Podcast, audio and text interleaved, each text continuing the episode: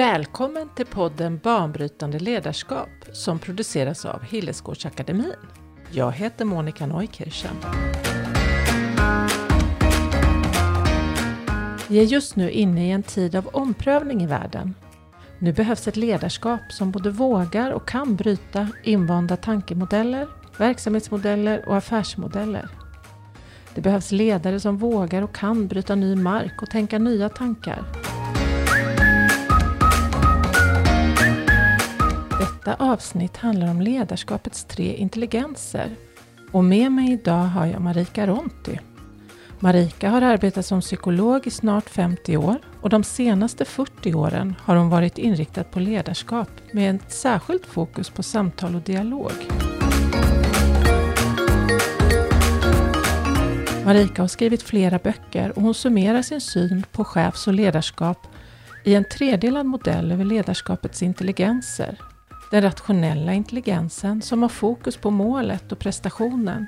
Den emotionella intelligensen som har fokus på det relationella och den tredje intelligensen som jag är särskilt nyfiken på i detta poddavsnitt, nämligen den själsliga intelligensen.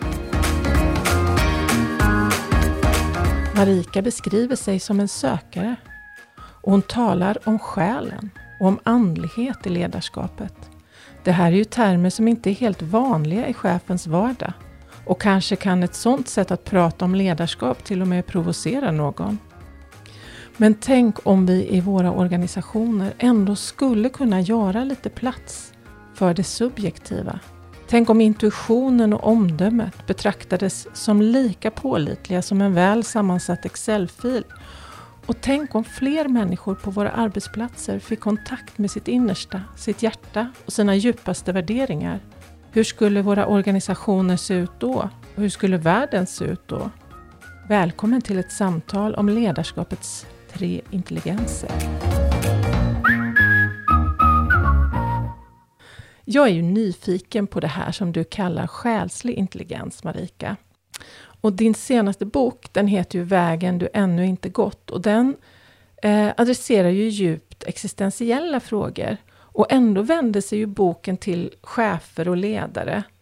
Eh, och jag är nyfiken på hur, hur fungerar det att prata om själen när du möter människor i sin jobbkontext? Och, och hur hör det hemma i, I ledarskap. ledarskapet? Ja, bra fråga tycker jag.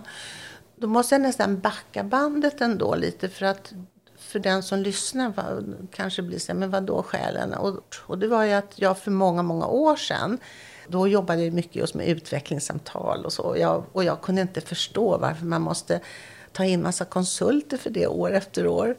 Så att jag ägnade ju ganska mycket tid åt att försöka analysera var, var, var ligger problemet någonstans. Och för att göra den historien kort så upptäckte jag ganska snart att de här samtalen, att de inte upplevdes som meningsfulla var ofta för att man koncentrerar sig så mycket på att göra vad man ska göra och prestera. Och väldigt, det handlar väldigt lite om relationer och känslor och så. Det är trots allt en väldigt stor del på en arbetsplats. Mm. Vi är ju relationella mm. varelser. Mm. Så då, då skapade jag, ur den analysen som jag gjorde, för jag hade ett stort empiriskt material på den tiden, så då gjorde jag en analys och så kom den här modellen fram att jag såg att det måste finnas en balans mellan göra och vara. Och då tänkte jag så här, men det här vill jag se och försöka förstå ur ett ledarskapsperspektiv. För, för utvecklingssamtal, det är, ju en, det är ju bara en metod som man använder i sitt ledarskap. Så mm. att det, det finns säkert paralleller, tänkte jag. Och då upptäckte jag någonting som var väldigt intressant och det var just att göra-delen, som ju mycket ligger, det liksom ligger i det kognitiva, i logiken, det bygger på vi ska prestera och vi ska uppnå resultat, det är inga konstigheter. Men det är bara det att den delen ska ju inte dominera och jag upptäckte att den gjorde det. Det vill säga att som jag då, det jag kom fram till det var att ledarskapet består av två roller. Den ena rollen är att vara chef, då ska jag göra och prestera och jag behöver använda min logik för det. Men det är ju bara en tredjedel som jag ser det av ledarskapet. För den andra rollen är ju ledarrollen och den är ju relationell. Just det. Så chefsrollen den är uppgiftsorienterad, så det är mycket mer fokus på prestation. Medan ledarrollen är relationell. Och då kommer vi just till att det behövs olika kompetenser och färdigheter för att kunna an använda sig själv i de här två rollerna. Och det jag då såg var att i chefsrollen så behöver jag använda min rationella intelligens. Det är det att, jag menar, att kunna planera och tänka logiskt och vara lite analytisk och strategisk och sådana saker, sådana förmågor. Medan i ledarrollen så behöver jag ju ha en relationell kompetens, att jag ska kunna relatera till dig. Och då har vi just det här med emotionell intelligens. Då, har, då behöver vi ju använda förmågor som är att jag har en förmåga att läsa av dig när jag tittar på dig. Att jag kan, för, jag kan på något sätt förnimma din sinnesstämning. Och den gör någonting med mig som gör att jag kan respondera. Jag kan liksom, och då i, i, relatera till dig och respondera. Och jag har också en förmåga att kunna känna av det jag själv upplever i stunden. Alltså den här, att jag kan läsa av mina egna känslor. De förmågorna som tillhör den emotionella intelligensen är ju otroligt viktiga i just relationsbyggande. Och där finns det ju intressant forskning numera. Och det kommer ju hela tiden ny forskning. Men där man har kunnat bevisa att den, det är den emotionella intelligensen som bidrar till väldigt mycket positivt på en arbetsplats som i sin tur också påverkar det slutliga resultatet. Det. Människor mår bättre, de ja. relaterar bättre, de tycker roligt. Ja, men du vet allt det ja. där som är egentligen ganska självklart. Ja. Men som har underskattats. Och det är idag mera medvetet. Det här finns, idag pratar väldigt många om just EQ, alltså emotionell intelligens, utan att tycka att det är någonting konstigt. Just det. Men jag kände ändå i den här modellen och i, som jag sa, i ledarrollen, att det var någonting som saknades, för det finns någonting som är mycket större. Och det är klart, det här är då kopplat till mitt sökande. Mm. Vad bygger allting på? Mm. Vad, vad, vad, liksom, vad är det för grund vi ska ha? Mm. Och den grunden vi ska ha, det är ju de värden som jag vill följa, min moraliska kompass, min etiska kompass. Jag bygger det på speciella humanistiska värden och värderingar.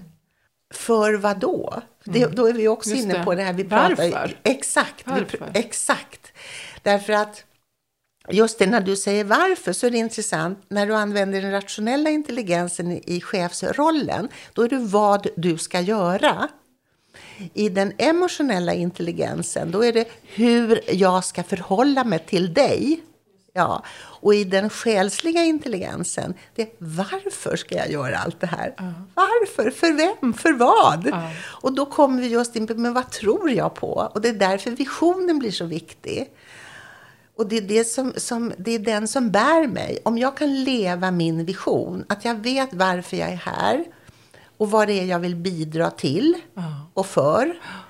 Då fylls jag av energi. Så min vision bär mig. Min tro bär mig. Mina värderingar bär mig. För jag lever dem. Så det här med den själsliga, det är alltså min innersta kärna. Och där kommer också intuitionen in. Intuitionen, att jag har kontakt med den. Och när jag säger kontakt med den, det vill säga kontakt med mitt innersta. Och det är ju det själsliga. Det här som är utanför tid och rum, men som bara finns där. En potential som alla vi människor har, men som sover hos väldigt många. Jag brukar ibland säga så här, åh, själen gråter. Ja. Den knackar på dörren ja. och, och jag hör inte. Ja. Hallå! Hallå, ja. Men, men om jag lyssnar, om jag lyssnar på min intuition och lyssna på den här, många pratar om den inre rösten, vi kan ju kalla det för väldigt mycket olika saker. Men det är det här när vi känner att det är någonting som knackar på dörren. Lyssna då. Lyssna. Du kanske inte får svaret första gången, kanske inte andra gången heller, men kanske tredje gången. Och då är jag i kontakt med mig själv. Inte med mitt ego, utan med mitt djupare själv. Och det här menar jag är någonting som bär hela ledarskapet och som egentligen bär vår existens. Så det handlar inte bara om ledarskap. Men om jag tänker i en organisation, för det är det som ofta har frustrerat mig, att jag har tänkt att vad instrumentellt allting är. Allting ska mätas, mm. man ska ha siffror på det mesta. Och kan vi inte ha siffror så finns det inte. Mm. Och så tänker jag, men var, var har subjektiviteten tagit vägen? Mm. Därför att den är en så stor del av oss människor. Men det är precis som att den har vi satt locket på. Den underkänns ju den väldigt mycket. Underkänns så. Mm. Och att den underkänns, det tror jag beror på att den just inte går att mäta på det här vanliga sättet som vi är fostrade till. Att den objektiva sanningen är när vi har ett mätetal till exempel. Och det menar jag är också att låsa in människan och låsa henne men det här med kreativitet och idag pratar vi så mycket om hur viktigt det är att vara innovativ. Just det. Men du kan ju inte bli Nej. innovativ Nej. om du inte först får vara kreativ. Nej. Ja, och när blir jag kreativ? Ja, det är när jag inte låser in mig i en bestämd form och där ingen kontrollerar mig utan där det finns tillit. Och då kommer vi in på det begreppet också mm. som också mm. ligger i, i tiden. Mm. Och det är också någonting jag har undrat över många gånger för tillit är ju ingenting det är ju ingenting jag bestämmer. Jag kan ju inte säga till dig Monica, nu ska vi, nu ska vi ha tillit. Hur skapar vi tillit? För tillit är, en, i min värld så är tillit en process. Absolut. Jag har förtroende för dig. Varför har jag förtroende för dig? Jo, i ditt sätt att bemöta mig så finns det någonting som gör att jag tycker om dig helt enkelt. Jag behöver inte ens säga vad det är, utan jag bara känner att det är någonting som stämmer. Jag kan läsa det i dina ögon, jag kan läsa det i hela din kropp som gör att jag kan respondera till dig. Men är det, får jag bara, mm. är, är det att du kan läsa det, mm. är det själslig intelligens? Ja, i min värld så är det ju det. Ja. Därför att jag har kontakt med mitt inre. Ja. Jag, har, jag, har, jag har finstämt mitt instrument så pass så att jag kan läsa av de här låga tonerna i dig. Men det intressanta är att när jag gör det, det är ju det där var hönan och var ägget, den började först. Jag ser ju någonting i dig som, som attraherar mig, mm. som gör att jag vill fortsätta prata mm. med dig.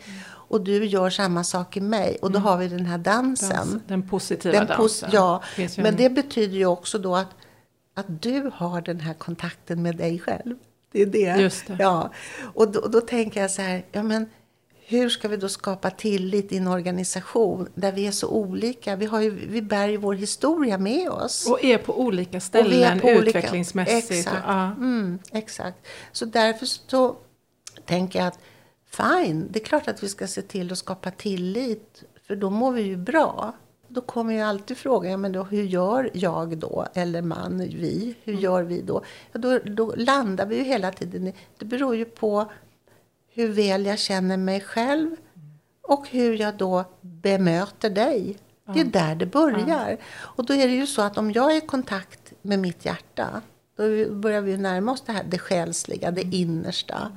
Att är jag i kontakt med mitt hjärta och vill dig väl, det är min utgångspunkt, då skickar jag förmodligen ut sådana signaler som landar gott i dig, som gör att du responderar på ett bra sätt till mig och då börjar vi dansa tillsammans.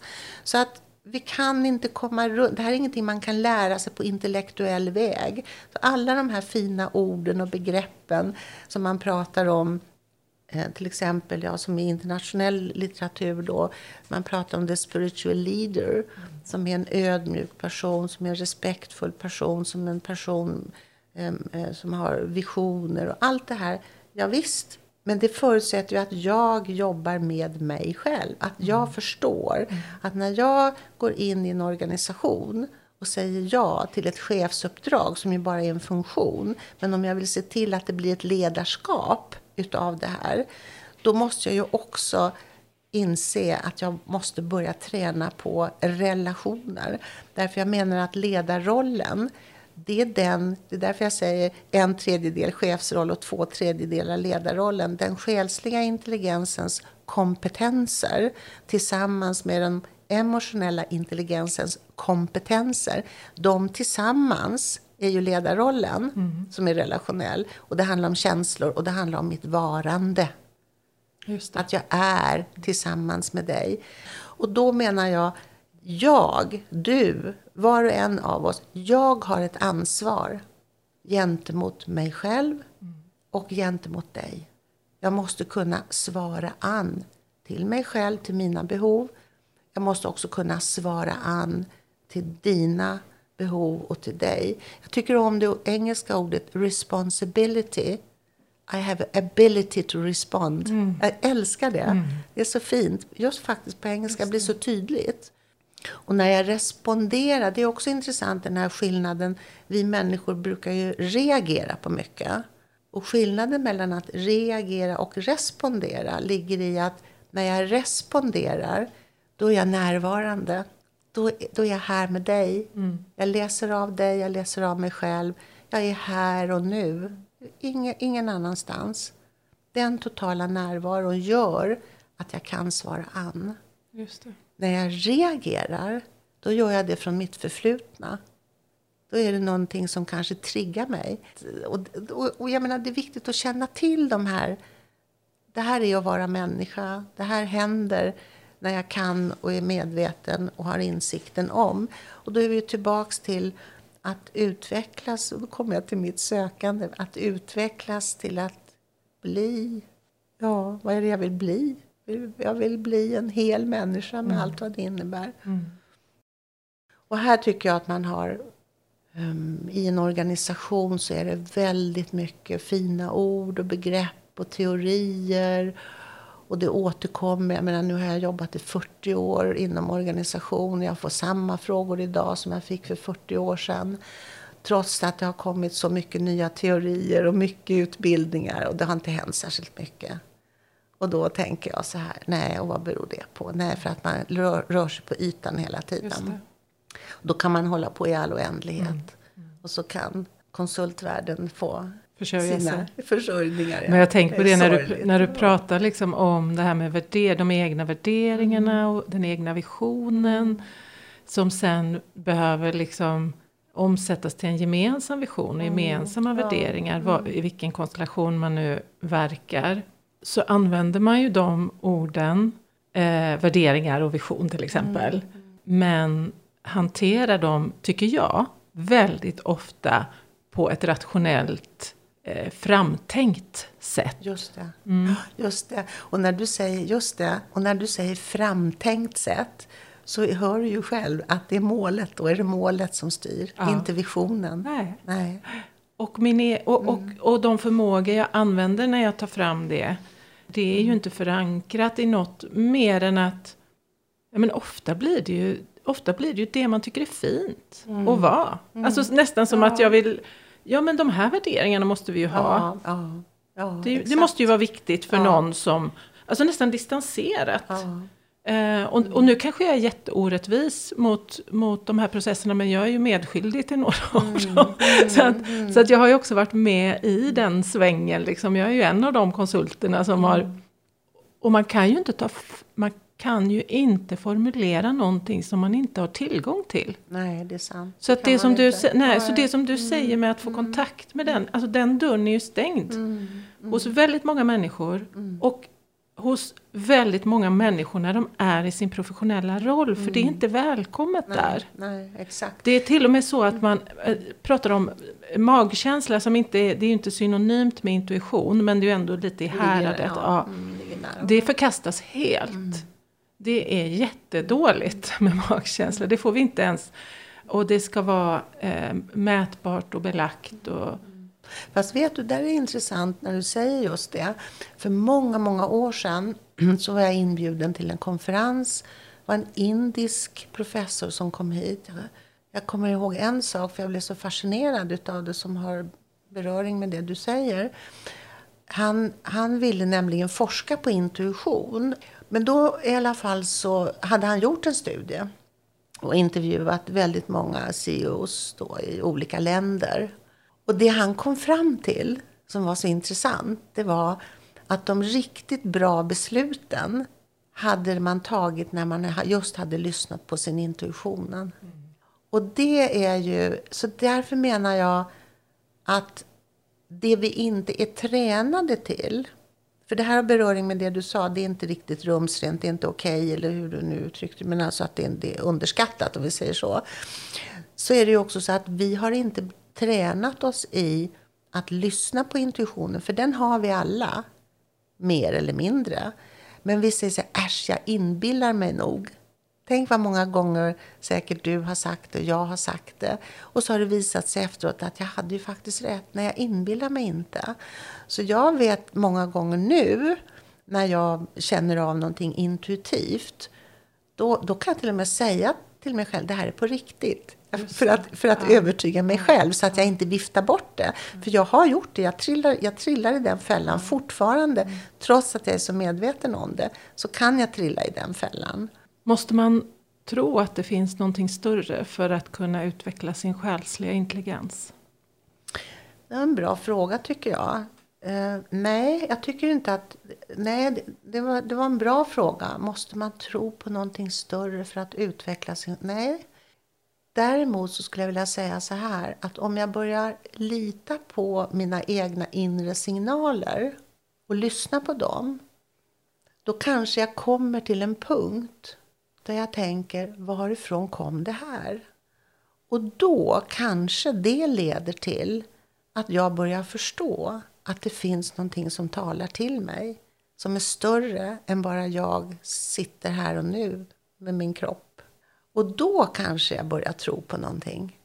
Så det är från, från, andra, från hållet. andra hållet. Ja. ja. Och jag tror, det här är bara vad jag tror, att om du går den vägen så tror jag också att det kan ge dig väldigt stor känsla av meningsfullhet.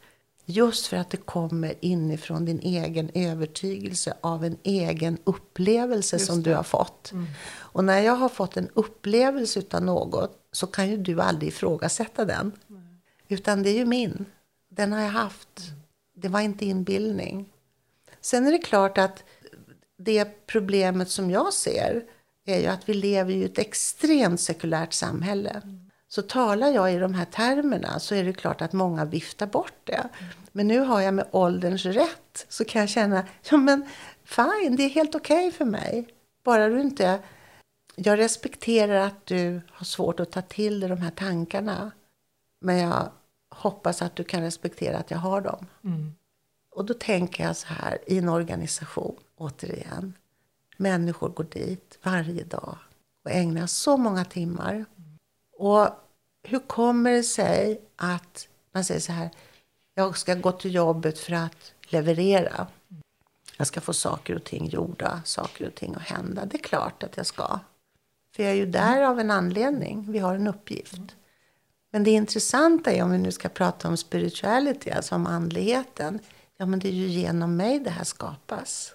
Så att om jag kan vara i kontakt med mig själv i det som ska levereras, mm. då gör jag det kanske med en annan kvalitet än om jag bara säger till dig, okej, okay, jag ska leverera det här, när ska du ha det klart? Okej, okay, jag ska se till att hinna med det. Du vet, då går jag in med en annan energi.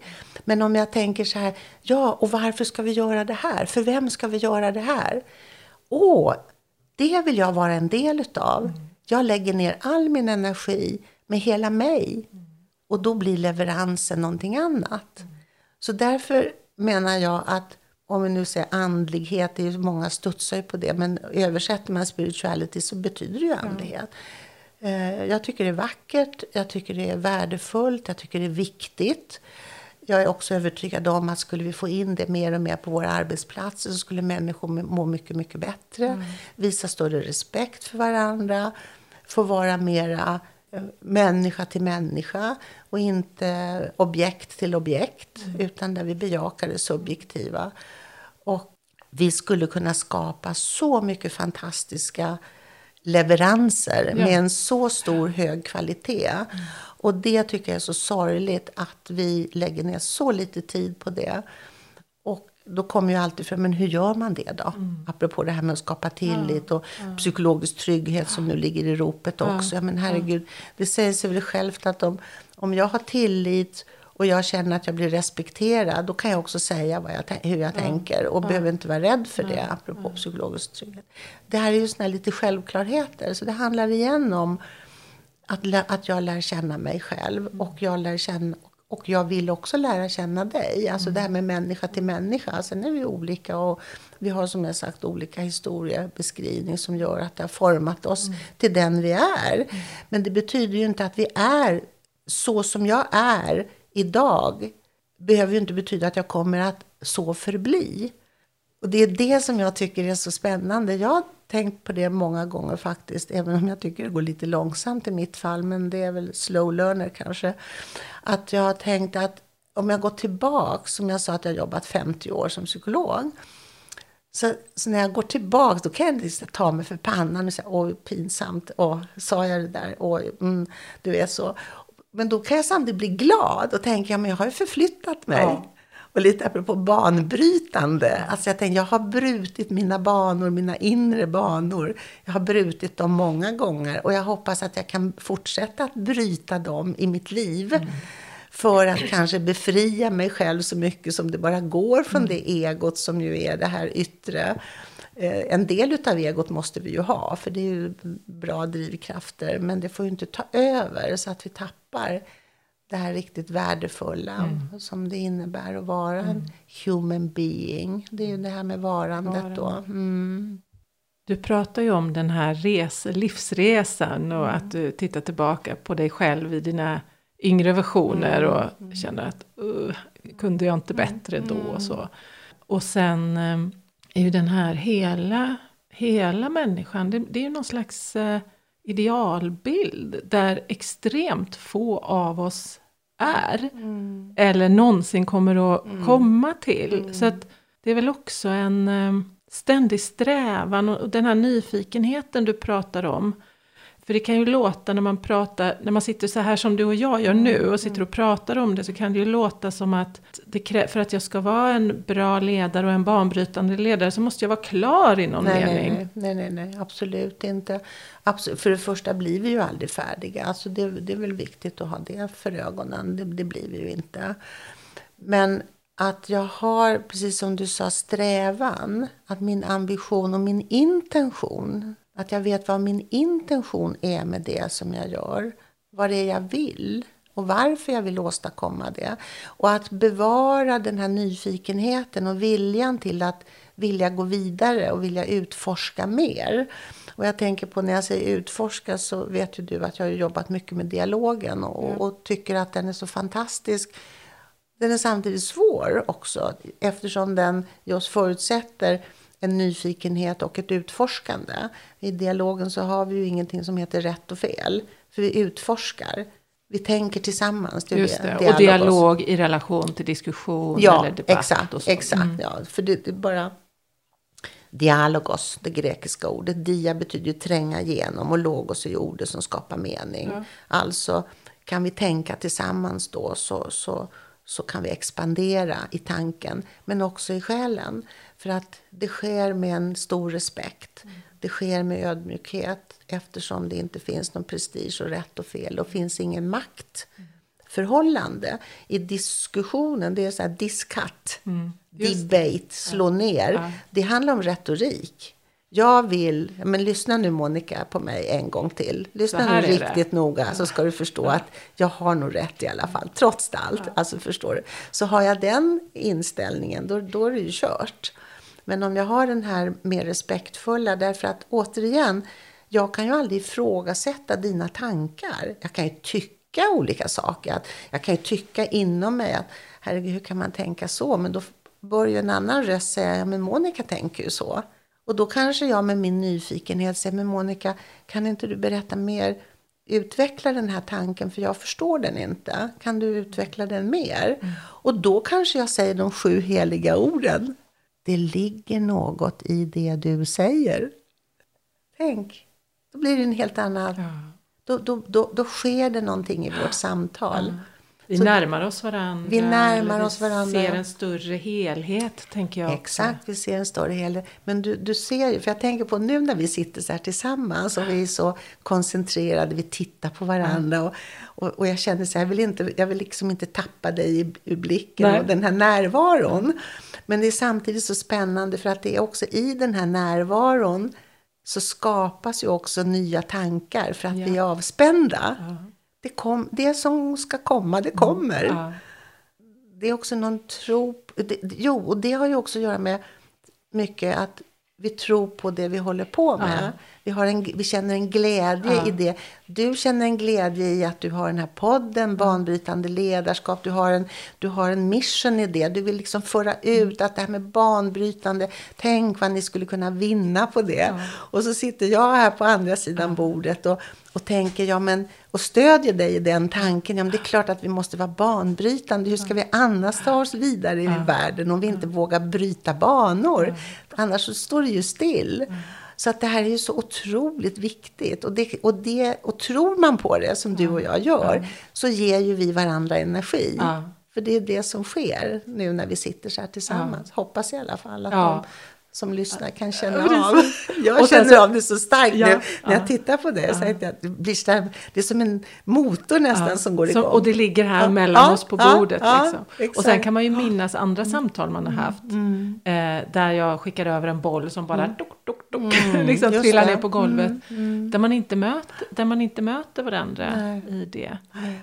För det finns ju någonting, här, när vi nu pratar om dialog, mm. att det är en förutsättning för det relationella mm. och att eh, stärka relationerna eh, också utifrån ett ledarskapsperspektiv och så. Det är också en, ett så otroligt viktigt verktyg när vi ska skapa nytt, mm. när vi ska vara kreativa, när vi ska lösa ett svårt problem, ett komplext ja. problem, mm.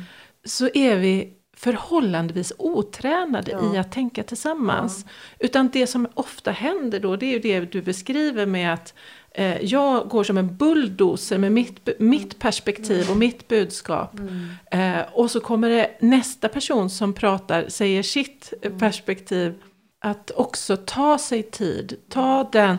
Det är nästan som att vi måste träna upp en ny muskel i oss. Ja, faktiskt. det är en ny muskel. Vet du, det är intressant när, du, när, när jag lyssnar på vad du säger. Så fick jag en bild i mig. Hur, det, det var så här, men hur kommer det sig att det är så här? Monica har rätt i det hon säger. Och så fick jag den här bilden, den här, den här hierarkin. Att vi är alla fostrade till att det är alltid någon annan som har rätt. Och det är ju det lilla barnet har ju upplevt många gånger i förhållande till sina föräldrar att föräldern har rätt och jag har fel. Mm. Om inte föräldern är tillräckligt lyhörd för mina behov så kan ju jag lätt få den känslan utav oj, jag hade fel. Och det jag känner, det får man inte känna. Och om du då tänker att alla bär på sådana här erfarenheter. Och sen så kommer vi till skolan där det också handlar väldigt mycket om rätt och fel. Mm. Och vi har byggt upp ett samhälle som bygger på rätt och fel. Det är det här med dualiteten också. Att vi lever i, i den här dualistiska liksom, tillvaron. Och vi, vi, måste komma bortom det. Vi måste komma bortom mm. det. Och hur skapar vi då det här bortom? Det. Jo, det är ju genom att stanna upp och känna efter. Mm. Och då kommer vi till dialogen. Vi lyssnar in mm. på varandra. Och då kommer vi till någonting annat som är lika viktigt som dialogen. Och det är att våga stanna upp och reflektera. Mm. Vad gör det här med mig när Monica säger så här till mig? Hur pass mycket lyssnar jag på vad som händer? Och då är vi tillbaka i det här med kroppen. Det kanske knöts i magen eller i hjärtat eller jag upptäckte att jag började andas på ett annorlunda sätt. Då skulle jag kunna snabbt säga oj, oj, oj, det här var någonting kanske som triggade mig då. Mm. Då har det att göra med mitt förflutna, inte i det som faktiskt sker här nu, utan det har med mitt förflutna att göra som gör att jag reagerar. Och det här sker hela tiden. Och då tänker jag, det här bär vi ju alla. Alla har erfarenheter utav att ha blivit bemötta på ett sätt där inte mina tankar har räknats med eller varit tillräckligt bra eller vad det nu är. Men om vi då, nu är vi ju vuxna, och om vi då tror på att dialogen kan vara ett sätt, ett förhållningssätt som faktiskt kan göra under med vår verksamhet. Just för att vi tänker tillsammans. Men det förutsätter ju då att vi måste lämna en del i det gamla paradigmet, nämligen att jag, det är jag som har rätt. Det är jag som ska få cred. Och då kommer vi just in på många chefers starka egon. Och den tiden måste vi lämna och förstå att allting hänger ihop. Vi måste börja jobba tillsammans. Vi har gått in i den tiden nu. Världen talar om för oss hela tiden. Men vänta, det är något som har gått fel. Nu måste vi börja tänka tillsammans. Nu måste vi börja hjälpas åt. Jag kan ju tänka på eh, några av de chefer som jag eh, känner och ser deras vardag. Och det ligger på de här göra-sakerna. Mm. Och det är bemanning och det är hantering av HR-frågor och det är patientplatser, mm. vårdplatser mm. och alla de här sakerna som bara trycker på från själva systemet. Just det. det är bara det att systemet, det är ju inte någonting abstrakt. Utan systemet är ju skapat av människor. Mm. Så att när du nu säger det här bara trycka på, alltså du visar med din hand så tryck, tryck. Och jag bara känner, åh, snart åker de in i hörnet. Mm. Om jag tar ansvar, om jag är den här chefen och det trycks på mig. Om jag tar ansvar för mig själv i den situationen och känner efter så kommer jag nog snabbt upptäcka att det här är inte rätt, det här är inte bra. Vad kan jag göra åt det? Ja, det som är det mest naturliga det är ju att jag går till min chef och säger att titta här, jag har inte fått de bästa förutsättningar för att kunna genomföra det du förväntar dig utav mig. Varpå du då som är min chef säger, ja men det förväntas av mig. Då säger jag till dig, för då är jag lite, lite kaxig i den stunden, mm. kan jag vara nu när jag sitter här med dig. då kan jag säga så här, nej men Monica, då får du prata med din chef om det. Mm. Så att systemet är ju skapat av oss, hur vi tänker, hur vi tror att det ska vara på bästa sätt. Men om vi hela tiden tänker på effektivitet i form av leverans och produktivitet i form av leverans, snabbt och mycket, det här lite kvantitativa tänkandet, då har vi gått fel. Då har vi hamnat i diket. Så att det du beskriver det är ju dikeskörning hela, ja, tiden. hela tiden. Och någon måste ju stanna upp och säga det här är fel, vi kan inte fortsätta. Mm. Och det som är det tråkiga är ju att man gör någonting först när det händer någonting mm. tråkigt. Mm. Det är ju det, är det som är människans också svaghet. Och då är vi tillbaks till, ja men i det ögonblicket jag tar ansvar för mig själv och för dig i, i relation med allt vad det innebär som vi har pratat om förut. Då kommer ju min medvetenhet att öka. Mm. Jag kommer att bli mer känslig. Jag kommer, de här signalerna. Nej men det här är inte rätt. Mm. Och så säger min moraliska kompass, nej gör någonting med det då om du inte tycker att det är rätt. Det är ditt ansvar gentemot dig själv och gentemot dem. Mm. Så till slut så kommer ju det att leda till mm. att vi är flera som upptäcker att vi har byggt upp ett system som är ohållbart. Och då ligger det på den högsta ledningens ansvar att se till att ändra på, eh, på reglerna. Jag har den här bilden kvar utav dig med ditt exempel när du sa det där trycker på, trycker på, trycker på. Jag har ju varit inne i de sammanhangen också där jag ser det och jag, jag, mår, jag, mår, jag blir ledsen. Jag blir faktiskt ledsen därför jag tycker det är ovärdigt. Det är väldigt ovärdigt. Så jag tycker att många organisationer idag, att man har avhumaniserats. Det, det, det kan jag tycka. Är det så att vi manar till mod? För det, för det krävs ja, ju att man, ja, det krävs ju ja. att stå där och säga, vänta det här. Mm, ja visst gör det det. Och då är vi ju, jag tänker på det här nu som alla pratar om, psykologisk trygghet då. Men det säger sig självt att om jag är rädd för repressalier, jag tänker på alla de organisationer där det råder stark tystnadskultur som vi ju vet är ett faktum och så, det är ju ingenting som det handlar ju om makten. Där slår makten igenom. Varför, varför uppstår tystnadskultur? Jo, därför att det är någon som trycker ner någon annan. Nej, då behöver ju de som sitter på makten ha kontakt med sig själva. Det vill säga med sin själ och med sitt hjärta.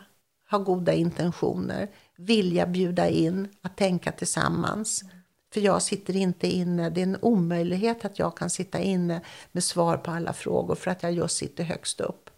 Men om jag, om, om jag jobbar i en organisation där jag ändå vet eller misstänker att de som sitter på den högsta makten inte har den här själsliga intelligensen eller den medvetenheten. Kan, kan jag vara där? Men det finns ett pris. Och jag kan bara sätta hur högt priset får vara. Tills jag kanske kommer till en dag och säger nej, det är inte värt det här. Mm. Så jag säger upp mig. Och de som har privilegiet att kunna säga upp sig, de kan jag applådera och tycka att det är bra för deras skull. Men jag tycker jag kan gråta också över alla de människor som jag vet skulle vilja säga upp sig, men som inte kan göra det. Av ekonomiska skäl. De, och, eller av att de inte har tillräckligt kanske med, eller rätt kompetens för att landa någon annanstans. Så att det är inte så enkelt. Och då tänker jag, nej då kan ju det här fortsätta. Och det har det ju också gjort i många år. Om jag då kommer tillbaks till det du säger med mod. Då, då tänker jag bara så här, väldigt, väldigt enkelt faktiskt. Jag jobbar på en avdelning. Jag känner att jag blir begränsad i mina möjligheter att få riktigt bidra med det som jag någonstans vet att jag skulle kunna bidra med. Jag har, jag har modet att prata med min chef för att jag har en bra relation till min chef. Då är det inga problem. Men nu har jag oturen att jag har en chef som jag inte riktigt har något större förtroende för eller jag har inbillat mig att hon eller han inte riktigt vill ta in det jag vill säga. Ja, vad gör jag då? Ja, då går jag till mina kollegor förstås och pratar med dem. Då, då går jag till dig och säger Monica, kan inte jag få låna dina öron en stund? Du behöver, du behöver bara lyssna. Bara lyssna. Men jag måste få berätta för dig hur jag upplever den här situationen. Och så kan jag prata av mig. Sen kanske jag säger så här, Monica, utav det jag har berättat för dig nu när du har lyssnat. Hur landade det i dig? Hur, vad, vad upplever du när du hör mig säga det här? Och tänk om det blir så här att du säger så här, men Marika, vet du vad? Det är nästan som om det var jag som pratade. Vad kan vi göra åt det? Mm. Tänk om det är så att det är flera som känner så, att vi kan hjälpas åt. Och då kan man ju, du vet, då kan man ju prata ihop sig. Och sen kommer ju trycket underifrån. Och där behövs ju modet. Och jag tycker det är helt okej okay om inte jag personligen har modet. Jag ska inte det, det, det, är ganska normalt för att det krävs mycket att ha mm. den här. Mm. För det, det, det, också, det handlar ju också om självförtroende mm. och självkänsla. Mm. Mm. Har jag stark självkänsla och stark självförtroende då har jag också modet. Ledarskap handlar mer om en rörelse och att vi ska lämna makthierarkierna för att gå över mer i kompetenshierarkier. Just. Och vad han menar med det, det är att om vi då tar en ledningsgrupp som ett exempel och vi säger att jag då är, är VD för gruppen eller högste mm. chefen för gruppen beroende på vad det är för typ av organisation och så.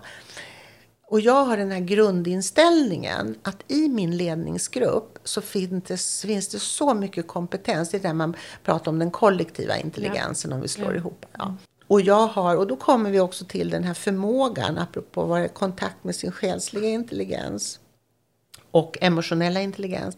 Jag har förmågan att också se att här sitter det en Monica som har den absolut bästa kompetensen inom just det här området som vi nu behöver utveckla eller gå vidare med eller angripa på ett annat sätt. Så jag överlämnar det ansvaret till dig du får mitt förtroende mm. att göra någonting med det och ta med dig de som du tycker att du behöver i det arbetet. Så då går du ut i din organisation och plockar upp eller bjuder in till ett samtal om det här till exempel. Och på det sättet så förflyttar vi oss hela tiden i en organisation där kompetensen finns. Inte utifrån att jag har makten över dig. Fått utan en vi, roll. Liksom, nej, nej, utan, vi, utan där mak, makten finns överallt och vi gör någonting tillsammans med den. Därför att vi alla vet vad som är anledningen till att vi är där vi är. Och, och då är ju det, det valet eller den bedömningen mm. av vem som är bäst lämpad. Mm. Den kommer ju inte från att man har läst det i ett CV nej. eller att man Exakt. har... Nej. nej. Så då tänker jag, då är vi tillbaka till det här med att både ha, ha sitt ego i schack, att mm. alla i gruppen har sitt ego i schack. Mm. Eh, så att man inte, eh, ja fast här är det ju viktigt för mig att vara viktig och ta plats mm. och så. Mm. Utan att, att ha den delen av sig själv i schack. Och att ha aktiverat själen, din innersta kärna, mitt djupare själv eller vad man väljer att mm. kalla den där platsen mm. där drömmarna och intuitionen och kreativiteten bor. En del av mitt ego behöver jag ju ha, för som jag sa förut, det är bra. Men det som tillkommer här det är att jag är så medveten om det så att jag, bjuder, jag vill bjuda in dig också. För jag förstår att vi tillsammans kan göra någonting mycket mer än bara, bara jag. Och det är det, vi måste, vi, det är det vi måste lämna. Men det är också att lämna det gamla paradigmet mm. som bygger väldigt mycket på mig och mitt och du vet och jag och allt det här. Och, och, nu har vi kommit till en punkt där, där vi ser att det håller inte. Nu handlar det om att vi måste dela på ansvaret, vi måste hjälpas åt. Och det är globalt och lokalt med tanke på allt som pågår nu. Så att nu har vi liksom kommit till en punkt där det nästan är... Jag menar, du är blind om du inte ser vad som pågår. Det som är det knepiga är ju alltid att, ja men hur gör man då? Hur, hur får man det här till stånd? Och då finns det inga enkla lösningar. Och det är också någonting som varje jag tänker på chefer på högre nivå, måste inse och respektera att det finns inga enkla lösningar till någonting. Mm. Och har jag den tilliten till mig själv och kan vila i det. När det finns inga enkla lösningar, men det finns lösningar. Ja. Och då kan jag ju komma till dig och säga, Monica, vi sitter med det här problemet nu. Jag har ingen aning. Men kan inte vi börja tänka tillsammans du och jag? Då blir det säkert två plus två blir kanske till och med sju. Mm. För det blir så. Under förutsättning att jag sänker gardet och lyssnar in och är prestigelös. Då går det. Jag är helt övertygad om det. Helt, helt övertygad. Jag skulle vilja återknyta till det här med den själsliga intelligensen. Har du något konkret tips på hur jag skulle kunna utveckla den. Ja, men då kan jag ju säga till dig så här, men Monica, du kan ju börja med att reflektera över hur du känner dig över dagen och när du upptäcker att du blev arg eller ledsen eller jätteeuforisk, stanna upp och säga vad var det som gjorde att jag blev det? Mm. Du kan ju bara börja reflektera över det och kanske få ett svar. Mm. Du kan också träna dig eftersom vi lever i en värld där vi ska vara så allting det ska göras, göras, göras och det ska ja, hundra saker samtidigt. Och du förstår någonstans med ditt förstånd att det här är inte rätt, det här är inte sunt. Jag vill stanna, jag vill dra i handbromsen. Och då säger jag till dig, ja, men prova och bara stilla dig själv. Jag är ju meditatör och har ju mm. varit det i väldigt många decennier för mig det, har ju det varit min räddning mm. i många situationer kan jag säga. Väldigt många situationer. Och det är för mig ett måste. Eh, så bara det att vara i stillhet gör ju att du då kommer upptäcka hur mycket the mind pratar till oss hela tiden. Och det är klart, rent neurofysiologiskt så fungerar det ju så att hjärnan, det, det är prat hela ja. tiden. Det, så det, Tankar, ja, ja, tankarna ja. kommer och går. Men det är som molnen på himlen. Det blåser, nu gick den där förbi. Mm. Så det är ju bara, de kommer och går. Men om vi börjar identifiera oss med våra tankar eller med våra känslor, då är vi ju farligt ute. Så vad ska vi identifiera oss med? För att det är ju lätt att tänka, man kan identifiera sig med kroppen, man kan mm. identifiera sig med mm. tankarna. Mm. Men vem är jag? Exakt, och kom, ja. exakt, det är det här som är, alltså det här blir ju så svårt för att Precis, vem, ja, men vem är jag då? Just det, ta reda på det. Vad finns det bakom det? Om inte jag är mina tankar. För det första så är det ju så att mina tankar är ju bara upprepningar. Det är ju inga nya tankar. Utan det är upprepningar och dessutom upprepningar av andras tankar som jag har hört. Som jag har gjort till mina. Och så identifierar jag mig med dem. Ja, men, och då tänker jag, men om jag stannar upp och, ty och är tyst.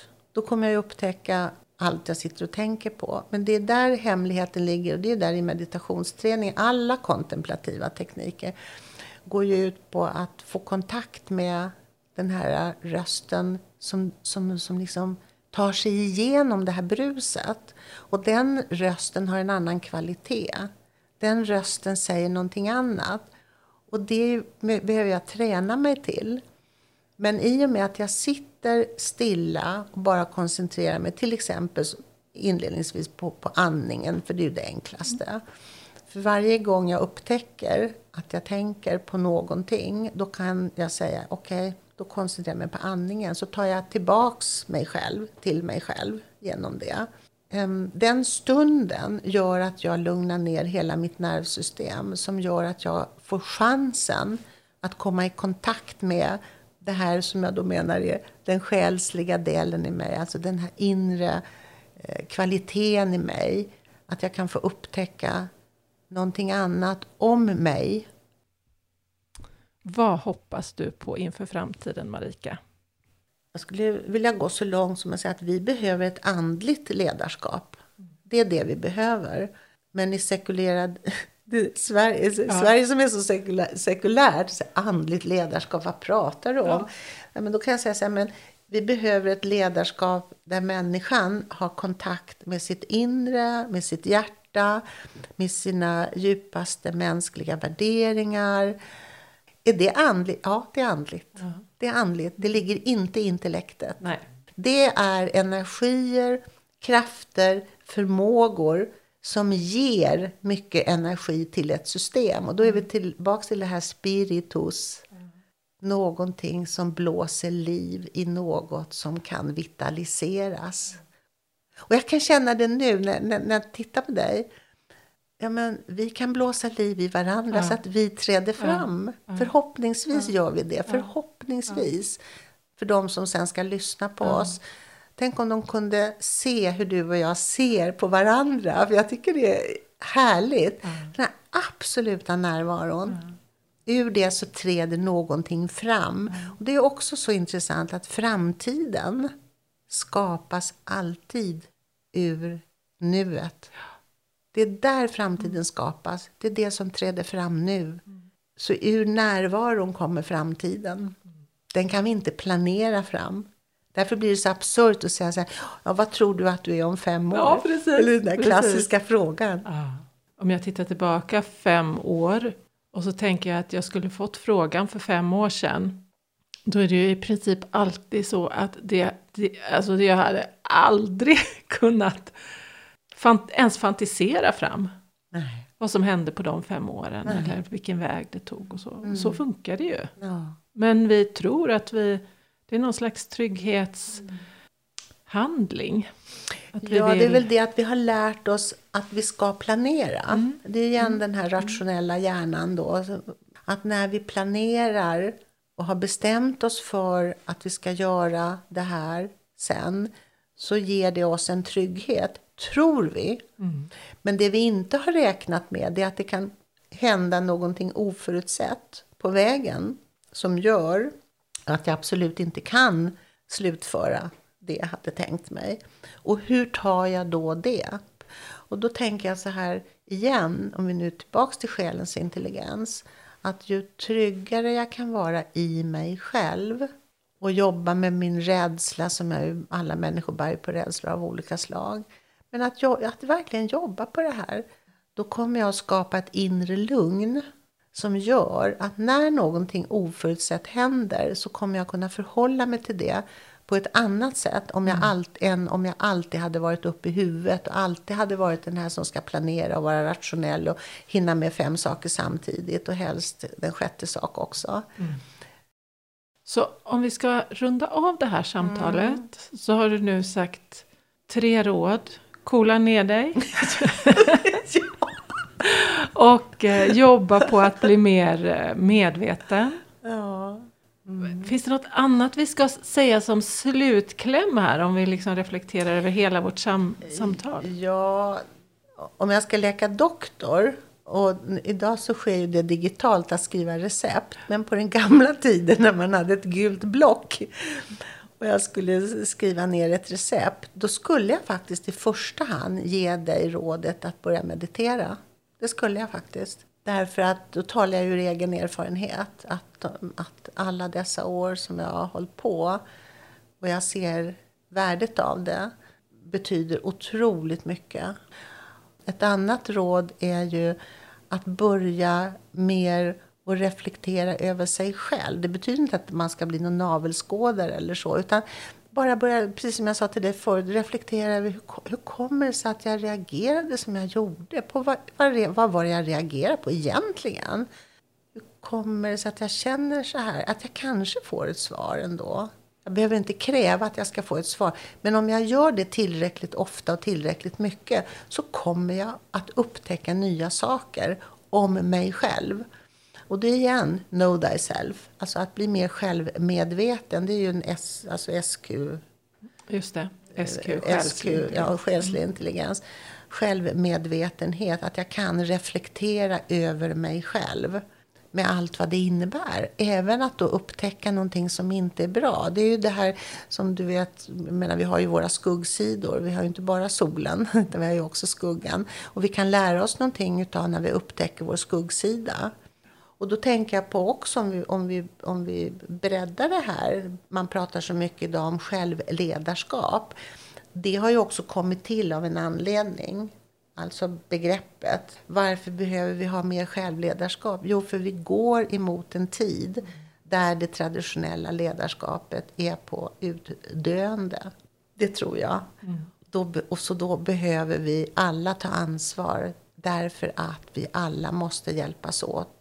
Och tar vi det i den yttersta, yttersta förlängningen utav det så kan vi ju säga ja, för att rädda ja, vi ska inte säga rädda planeten, för den kommer alltid att leva vidare. Men för att rädda mänskligheten så behöver vi hjälpas åt. Ja. Annars så sparkar planeten ut oss. Ja. Och den är på god väg att göra det. Vi behöver bryta en bana. Vi behöver enkelt. bryta många banor skulle mm. jag vilja säga. Verkligen. Och, och det börjar ju... Jag tycker det är bra det här att du har banbrytande ledarskap. Därför att vem ska visa vägen om inte ledaren gör det? Vem ska visa vägen för ditt barn om inte du gör det? Mm. Någon måste gå före. Alltid måste det vara så. Så den som går före är den som är banbrytande.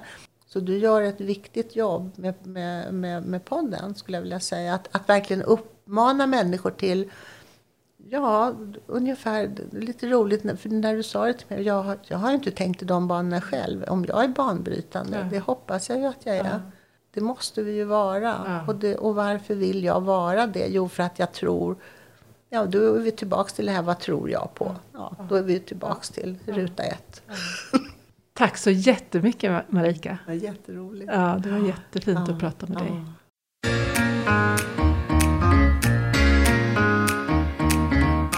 Lyssnat på avsnittet Ledarskapets tre intelligenser i poddserien Banbrytande ledarskap. Banbrytande ledarskap produceras av Hillesgårdsakademin. På www.hillesgardsakademin.se hittar du fler poddavsnitt och där hittar du också mer information om ledarskapsprogrammet Banbrytande ledarskap och om våra konsulttjänster i Imago, banbrytande verksamhetsutveckling. Välkommen!